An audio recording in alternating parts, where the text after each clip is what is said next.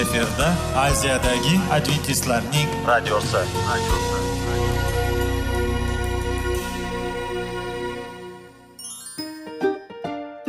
assalomu alaykum aziz radio tinglovchilar.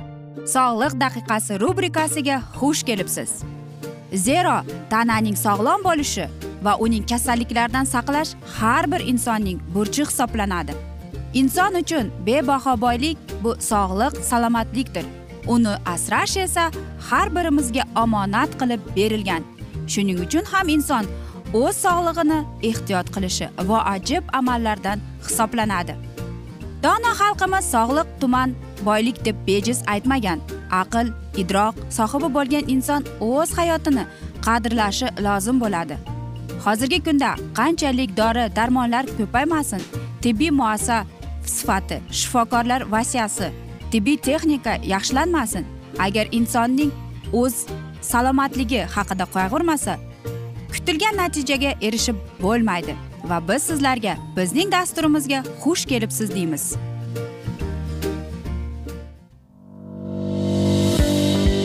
Sog'liq daqiqasi soliqning kaliti qiziqarli ma'lumotlar faktlar. Har kuni siz uchun foydali maslahatlar. Sog'liq daqiqasi rubrikasi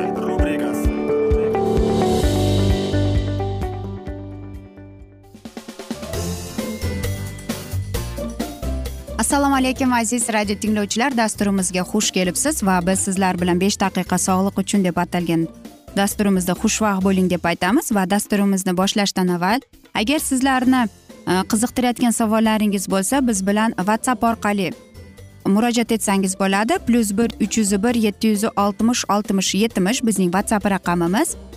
Va umid qilamanki sizni e, dastur bizning dasturlarimiz sizga mamnun bo'lyapti deb bugungi dasturimizning mavzusi esa bu tamaki deb ataladi. O'tgan galgi dasturimizda biz sizlar bilan qahva haqida suhbat qilgan edik. Bugun esa aynan sigaret haqidadir. Albatta hammamiz bilamizki e, sigaretning bo'lgan zararli kukuni hattoki e, chekmaydigan inson ana shu chekayotgan insonning oldida tursa qanchalik zararligini va yana bir bor yodingizga yodib e, solib o'tmoqchimanki mana shunday bir maqol borki sigaretning bir tomchi nikotini sog'lom otni o'ldiradi deb. Xo'sh aytaylikki rossiyada qarangki yetmishinchi yildan beri deydi sigaret chekkan erkaklar deydi ayollardan ko'ra soni ozroq. Erkaklar deydi oltmish oltmish uch foizgacha bo'lsa ayollar deydi o'n yetti o'n to'qqiz yosh ya'ni bular yigirma yigirma o'ttiz to'qqiz yoshdagi deydi. Hozir esa albatta bu buning soni juda yuqoridir. Masalan studentlar ham sigaret chekishadi hozirgida. Masalan erkaklar hozirgida qirq to'qqiz bo'lsa foizi kuniga o'n oltita sigaretdan chekar ekan. Ayollar esa deydi sakson uch foizni sigaretni tortar ekan kun bo'yi aziz do'stlar. Bu qo'rqinchli raqam. Lekin bu rossiyada. O'ylaymanki sigaret chekuvchi ayollar o'ylanib qoladi bizning dasturimizdan keyin. Misoliga e, mediklarning o'zlari deydi e, sigaret chekib turib lekin deydi kelib turib bizga sigaretning e, zararli tomonlarini aytsa deydi. Qanchalik biz kulardik to'g'rimi? Ha aziz do'stlar agar deydi biz qanday qilib biz o'zimizni deydi sigaret chekishimizni tashlashimizga yordam beramiz? Nima bo'lgan chog'da ham aziz do'stlar tamakini tartish bu sigaretni tashlashga juda qiyin lekin sizda kuch qudrat bor aziz do'stlar bu qo'lingizdan keladi. Agar yo'q meni qo'limdan kelmaydi desangiz unda xudoga ibodat qiling iso masihga ibodat qiling. Va ayting men mana shu sigaret chekishni tashlashni xohlayapman istayapman deng. Ha aziz do'stlar mana shundagina siz e, nima bu e, o'zingizni tiklaysiz. Siz bilasizmi amerikada qo'shma shtatda qancha odamlar sigaret e, tutunidan o'ladi yoki sigaret chekuvchi insonlar o'ladi? Oltmish ming odam. Kuniga aziz do'stlar mana endi o'ylanib ko'ring. Siz sigaret chekishni tashlaysizmi yoki umringizni uzartirishga xohlaysizmi? Albatta e, sigaretning kukuni bizni qandaydir stress bo'lgan holatlarimizda yordam beradi. Lekin aynan mana shu sigaretni orqasidan o'pka saraton kasalligi kelishini bilarmidingiz? Yoki siz savol berasiz. Bo'pti buni bilaman hammasini. Bu sigaret chekish yana qanday zararli umumlarga olib keladi deysizmi? Juda ko'p. Buni inson sanoqsiz aziz do'stlar. Birinchidan mulklaringizga zarar ko'rsatadi. Qarang eng bronxit uchu besh qismda olar ekan. Oshqozon kasalligi oltmish foizni olar ekan. Bu juda ko'p. Yana eng yana bir narsa borki yo'q men kam chekaman deysizu buni passiv chekuvchi deydi. Buni yo'q aziz do'stlar. Bunday kasalliklarda duch keladigan hamma passiv bo'lasizmi aktiv bo'lasizmi? Siz sigaret chekuvchisiz. Masalan aytaylikki siz ota onasiz va siz tamaki tortasiz. Aytingchi sizni farzandingiz nima qiladi? Ulg'aygan sari. Albatta. Ota onasidan ko'rgan odatini qiladi. U ko'radi otasi ovqatlanib bo'lgandan keyin choy ichib bo'lgandan keyin tamaki tortadi. U o'ylaydiki bu juda yaxshi bu zo'r. Bu va umuman deydi zo'r narsa deb. Albatta keyin maktabga boradi. Maktabga borgandan keyin do'stlari bilan. Do'stlari aytadiki tamakini tatib ko'r deydi. Bo'ldi mana odat. Shuning uchun ham biz ota onalar birinchi navbatda o'ylanishimiz kerak. Biz farzandlarimizga qanday namuna bo'lyapmiz deb.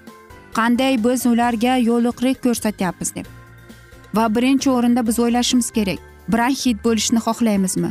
Yoki o'pka kasal saratonigami yoki milklarimiz tishlarimiz qanchalik sarg'ayib ketadi sigaret chekkanlar? Mana aziz do'stlar bu eng achinarli bu faqatgina tashqi ko'rinish. Homilador ayollarchi bu bizda uchramaydi. Lekin rossiyada ko'rganman homilador ayol bo'lib turib sigaret tortadi. Ha bu bolaga zarar kutsam hech narsa bo'lmaydi deydi. Yoki shundaylarni eshitganmanki Э, men homilador mahalimda sigaretam chekardim ichardim mana bolam sog'lom deydi. Lekin shu inson bilmaydiki bolasi aqliy tomonlama kamligini. Mana aziz do'stlar mana shunday yomon odatlarni o'ylab mana shu odatlarni biz o'zimizda ekib hech narsa emas men katta bo'lib qoldim deb o'zimizni aldaganimiz sari lekin bizning yonimizdagi farzandimiz nimani ko'ryapti? Albatta yomon odatni ko'ryapti otasi tamaki tortyapti. Ichyapti. Bu zo'r deb o'ylaydi. Shuning uchun aziz ota onalar sigaret chekishdan avval yaxshilab o'ylanib ko'ring. Sizni uyingizda farzandlar bor. Siz unga to'g'ri yo'l ko'rsatyapsizmi yoki yo'qmi deb. Umuman sigaretni nimaga chekyapsiz? Mana shu savolni o'zingizga o'zingiz berib ko'ring. Agar siz men bugun siqilib ketdim charchadim sigaret tutuni menga o'zimni qandaydir yengil his qilishga yordam beradi desangiz siz o'zingizni o'zingiz aldayotgan bo'lasiz aziz do'stim. Shuning uchun sigaret tashlashga harakat qiling. Biz esa mana shunday asnoda bugungi dasturimizni yakunlab qolamiz chunki vaqt birozgina chetlatilgan lekin keyingi dasturlarda albatta mana shu mavzuni yana o'qib eshittiramiz. Va sizlarda savollar tug'ilgan bo'lsa biz sizlarni salomat klub internet saytimizga taklif qilib qolamiz. Yoki whatsapp orqali bizga murojaat etsangiz bo'ladi. Bizning whatsapp raqamimiz plyus bir uch yuz bir yetti yuz oltmish oltmish yetmish aziz do'stlar. Va sizlarga va yaqinlaringizga sog'lik salomatlik tilab xayrlashib qolamiz.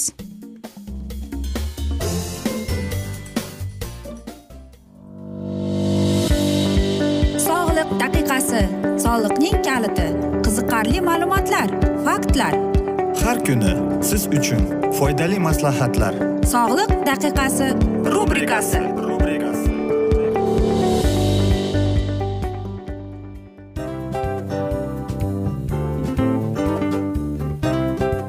mana ha hayotda hamma narsaning yaxshi narsalar tugaydi va yakunlaydi degandek bizning dasturimizga ham yakun keldi. O'ylaymanki bizning dasturimiz sizga foydali bo'ldi deb aziz radio tinglovchimiz. Va siz o'zingiz uchun kerakli xulosalar kerakli maslahatlar olib oldingiz. Aziz radio tinglovchimiz biz bilan qoling va keyingi dasturlarimiz albatta undanda qiziqroq bo'ladi. Mana shu alfozda sizlar bilan xayrlashib qolaman.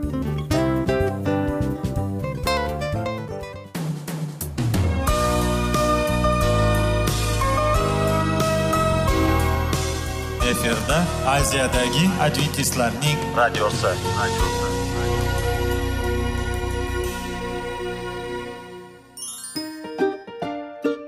Assalomu alaykum aziz radio tinglovchilarimiz.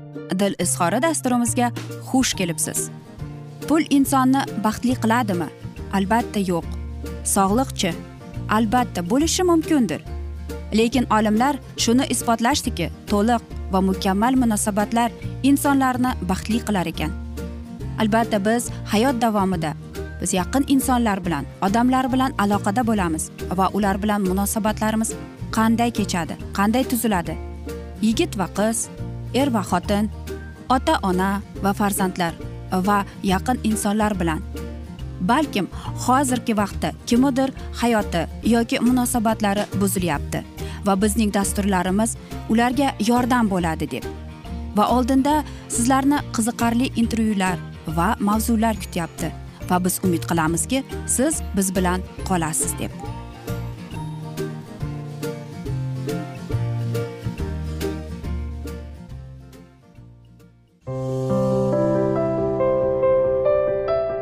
Har kuni har xil kasbdagi odamlar bilan sirlashish va bo'lishish sevgi rashq munosabat. Bularni hammasi dil izhori rubrikasida.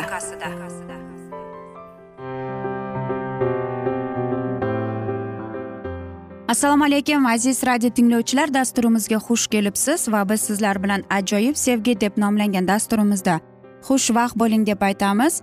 Va bugungi dasturimizning mavzusi bu qarshilik deydi.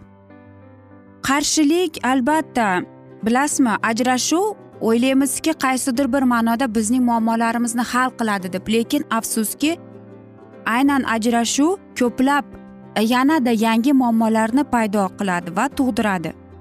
Yana bittasi bizga shunaqa so'z aytganki ajrashuv bu emotsional bir operatsiyaga jarroh yo'liga o'xshaydi deydi. Lekin deydi anesteziyasiz qilingan jarohatga o'xshaydi deydi. Bilasizmi e, psixologlar aytadiki to'rtta stadiya bor ekan ajrashuv bo'lgan paytida. Birinchisi bu albatta tan olmaslik qarshilik deyiladi.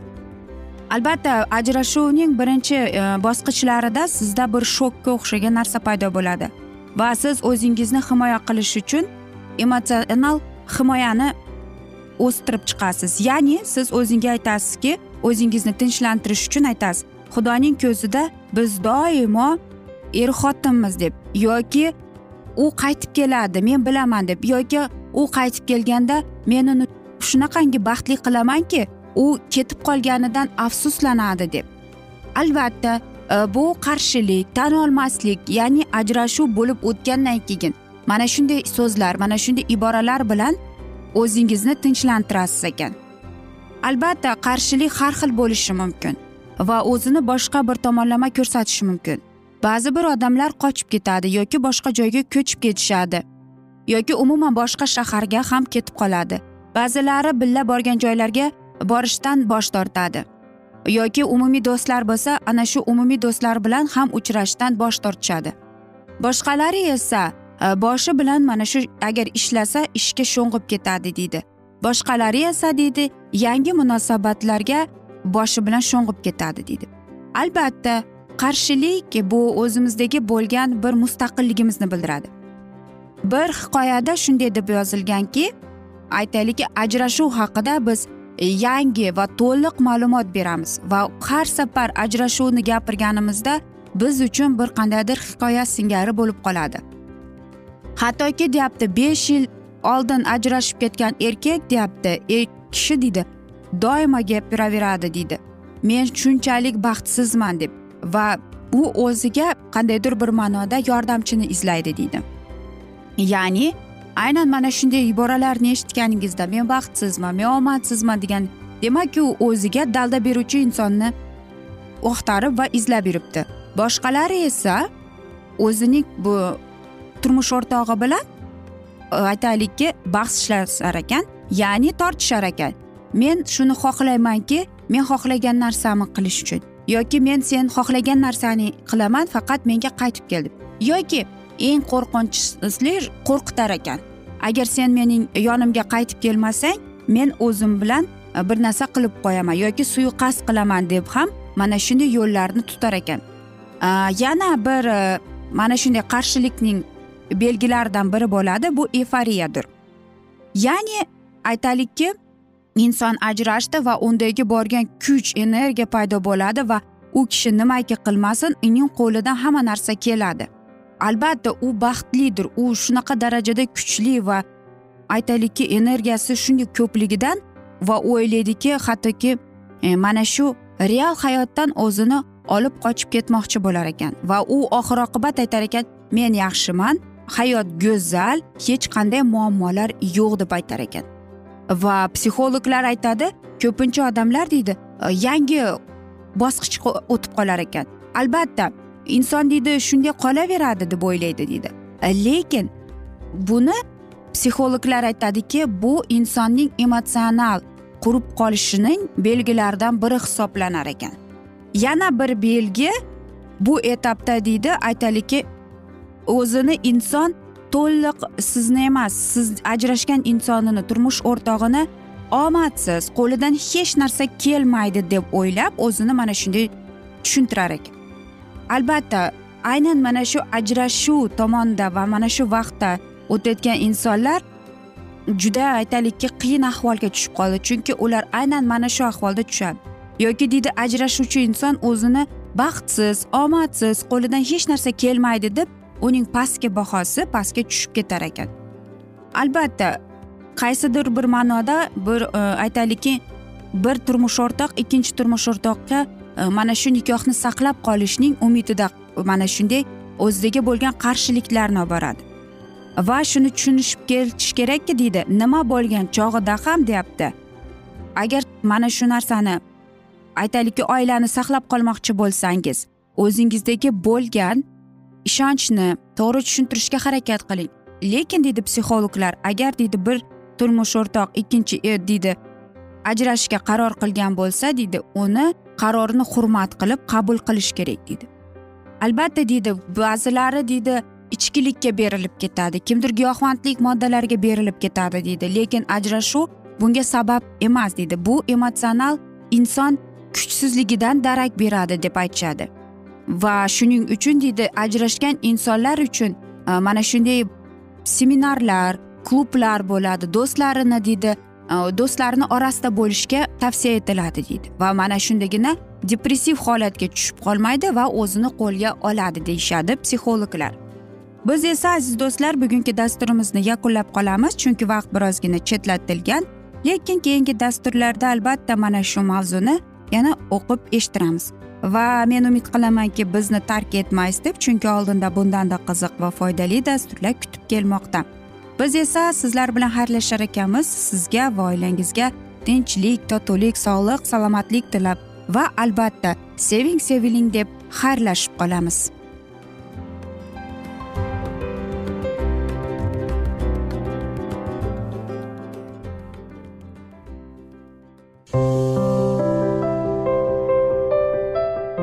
Har kuni har xil kasbdagi odamlar bilan sirlashish va bo'lishish sevgi rashq munosabat bularni hammasi dil izhori rubrikasida. Mana aziz radio tinglovchimiz bizning go'zal va foydali va chiroyli dasturimiz yakunlanib bormoqda. Sizlarga birozgina maslahat berib o'tmoqchi edik. Bir biringizni seving. Qadringizga yeting. Va erkalang albatta bir biringizni va sizga judayam chiroyli va mustahkam munosabatlar tilab qolamiz albatta. Sevgilingiz doimo yoningizda bo'lsin. Mana shu borada sizlar bilan xayrlashib qolamiz. Xayr.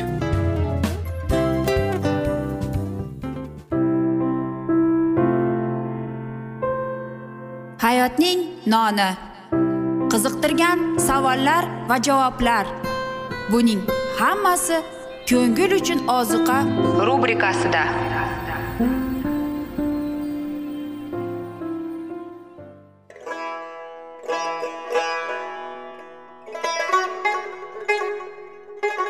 Assalomu alaykum aziz radio tinglovchilarimiz.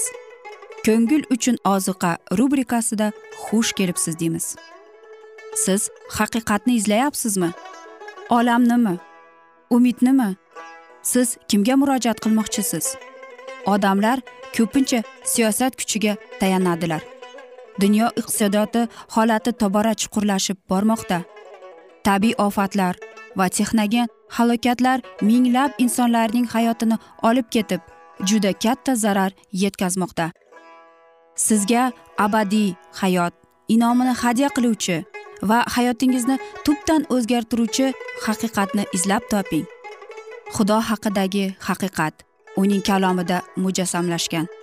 Kimki bu haqiqatni butun qalbi bilan izlasa albatta unga yetishadi. Bu sevgi xudoning tarixidir. Hayotingizda yoki sizning yon atrofingizdagi olamda nimalar yuz berishidan qat'iy nazar? Siz ertagi kunga buyuk umid va ishonch hosil qilishingiz mumkin.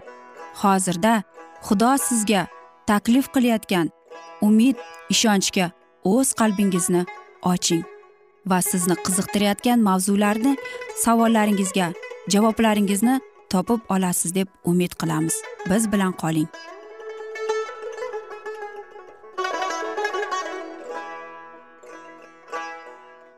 Assalomu alaykum aziz radio tinglovchilar. Dasturimizga xush kelibsiz va biz sizlar bilan ulug' otalar va payg'ambarlar deb nomlangan dasturimizda xushvaqt bo'ling deb aytamiz va bugungi bizning dasturimizning mavzusi dovud musofirchilikda deb ataladi.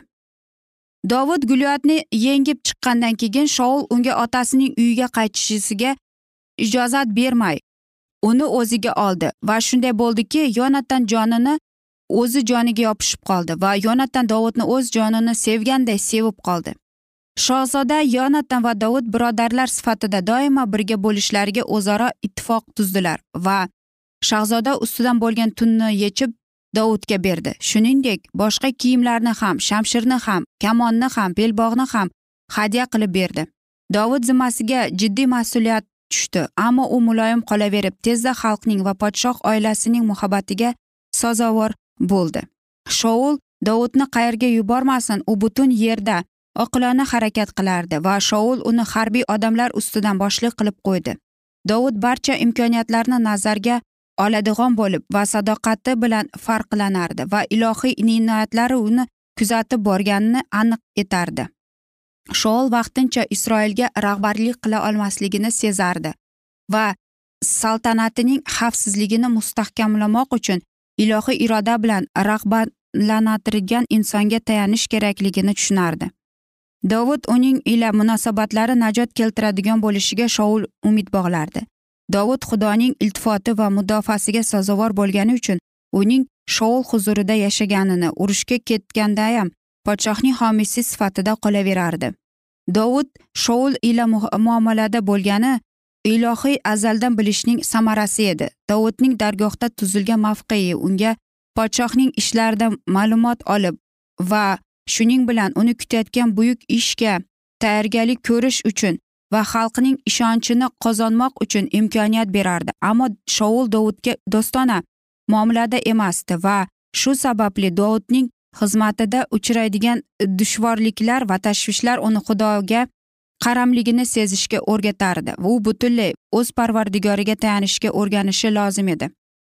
Yonatanning do'stona muomalasi ilohiy azaldan bilishning rejasiga kirardi va ushbu do'stona muomalalar kelajakda isroil podshohining hayotini saqlab qolishi lozim edi.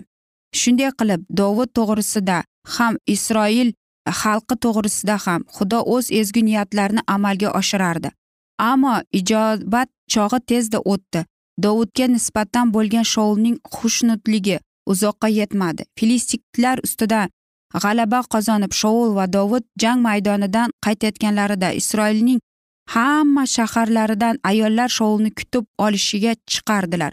Xonish qilib childirma chalib raqs tushardilar va jarangdor zillalarda podshohni mat qilardilar. Birlari shoul mingtasini g'olib chiqdi deb kuylashlari boshqalari esa qo'shib dovud esa tumanni deyishardi. Rash hasad jinni podshoh qalbiga kirdi. Isroil ayollari dovudni yuksaltirib madh qilganlariga g'azabi ko'tarildi. Past hisni o'z ichiga solib tiymoq o'rniga u sustligini hammaga namoyon qilib dovudga tumanni berishdi. Menga esa mingni unga endi faqat saltanat yetishmaydi deb xitob qildi. Shoulning katta yetishmovchiligi bor edi. Uni mahd qilishlarini sevardi. Ushbu tabiatning xususiyatini ustun keldi. U nima qilmasin uni yuksaltirish va maqtashni orziqib chanqardi. Haqqoniy va nohaq ishlarga hukm chiqarganida u shubhali alomat odamlar ma'qullashi bilan rag'batlantirardi. Xudoga manzur bo'lishni qidirmay odamlarga yaxshi ko'rinishiga tirishgan e, hech bir inson xavfsizlikda bo'la olmaydi. Shoul doimo xalqning ko'z o'ngida birinchi bo'linishga intilardi va ayollar unga madhiya o'qiganlarida esa dovud xalq yuragini zabt etib uning o'rniga saltanatni qo'liga oladi degan fikr podshohning ongida qattiq ishonchga aylandi. Shoul o'z qalbini rashq ruhiga ochib berdi va ushbu e, ruh e, uning jonini aynitdi. Xudo tayinlaganini bajardi va hech kim unga qarshi chiqolmaydi degan shamoil payg'ambar shoulga ammo shunga qaramay podshoh ilohiy rejalar uning kuchi to'g'risida haqiqiy bilimga yetishmaganini isbotladi. Isroil podshohning ixtiyori cheksiz bo'lganining irodasiga qarshi chiqardi. Isroil saltanatiga rahbarlik qilib shoul o'ziga rahbarlik qilishiga o'rganmadi. Hislatlari uning ongiga bosh bo'lishiga u yo'l qo'ydi va nihoyat vahshiy g'azab zug'um uning vujudida hokim bo'ldi. Agar birortasi unga e'tiroz bildirishga jur'at etganida u o'zini shunchalik yo'qotib qo'yar ediki hatto uning irodasiga qarshi chiqqanini o'ldirishga tayyor edi. Shunday telbalanishdan so'ng uning joni chuqur sarosimaga botardi. U o'zidan nafratlanardi va vijdonini ichidan ich ichidan kemirardi deydi. Shoul dovudning g'ijakda chalinishini yaxshi ko'rardi. Shunday daqiqalarda yovuz ruh uni qoldirganday tuyulardi. Bir kuni yigit uning oldida xudoni olqishlaydigan madhiya sanosini gijakning shirin ovoziga qo'shilib kuylaganda shoul to'satdan o'ynab turgan dovudga qarab nayzasini irg'itdi. Uni o'ldirishiga sal qoldi. Xudovand duvonni dovudni himoya qildi va u telbalangan podshohining zug'umidan zararsiz qochib ketdi. Shoulning dovudga nisbatan nafrati o'sgan sari u sinchiqlab uni o'ldirishiga fursat qidirardi ammo ilohiy moylanganga qarshi hech bir jinoyatli niyat amal qilinmaydi deydi.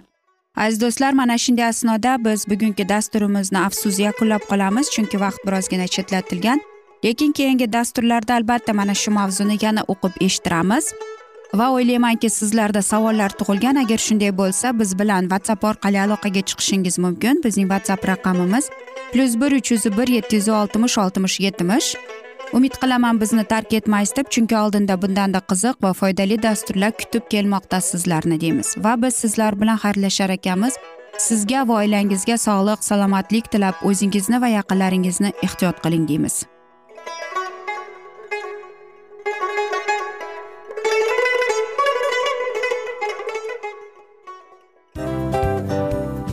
Narsaning yakuni bo'ladi degandek afsuski bizning ham dasturlarimiz yakunlanib qolyapti. Va biz o'ylaymizki bizning dasturimizdan o'zingiz uchun kerakli va foydali maslahatlar olib oldingiz. Sog'liq borasida sizga foydali maslahat berganmiz deb umid qilaman albatta. Va sizlarga mana shu borada sog'liq tilab qolaman. Munosabatlarga kelganda esa sizlarga sevgi omad va albatta yaxshi munosabatlar tilab qolamiz. Uchinchisiga kelganda esa bu juda chuqur va e'tiborli nazarni qumsaydi. Va sizlarga mana shu yaxshilik kayfiyatda sizni kayfiyatingizni ko'targan holda sizlar bilan xayrlashib qolaman afsuski. Ammo lekin keyingi dasturlarimiz undanda qiziq bo'ladi. Va siz biz bilan bo'ling bizni tanlaganingiz uchun sizlarga rahmat. Omad sizlarga xayr.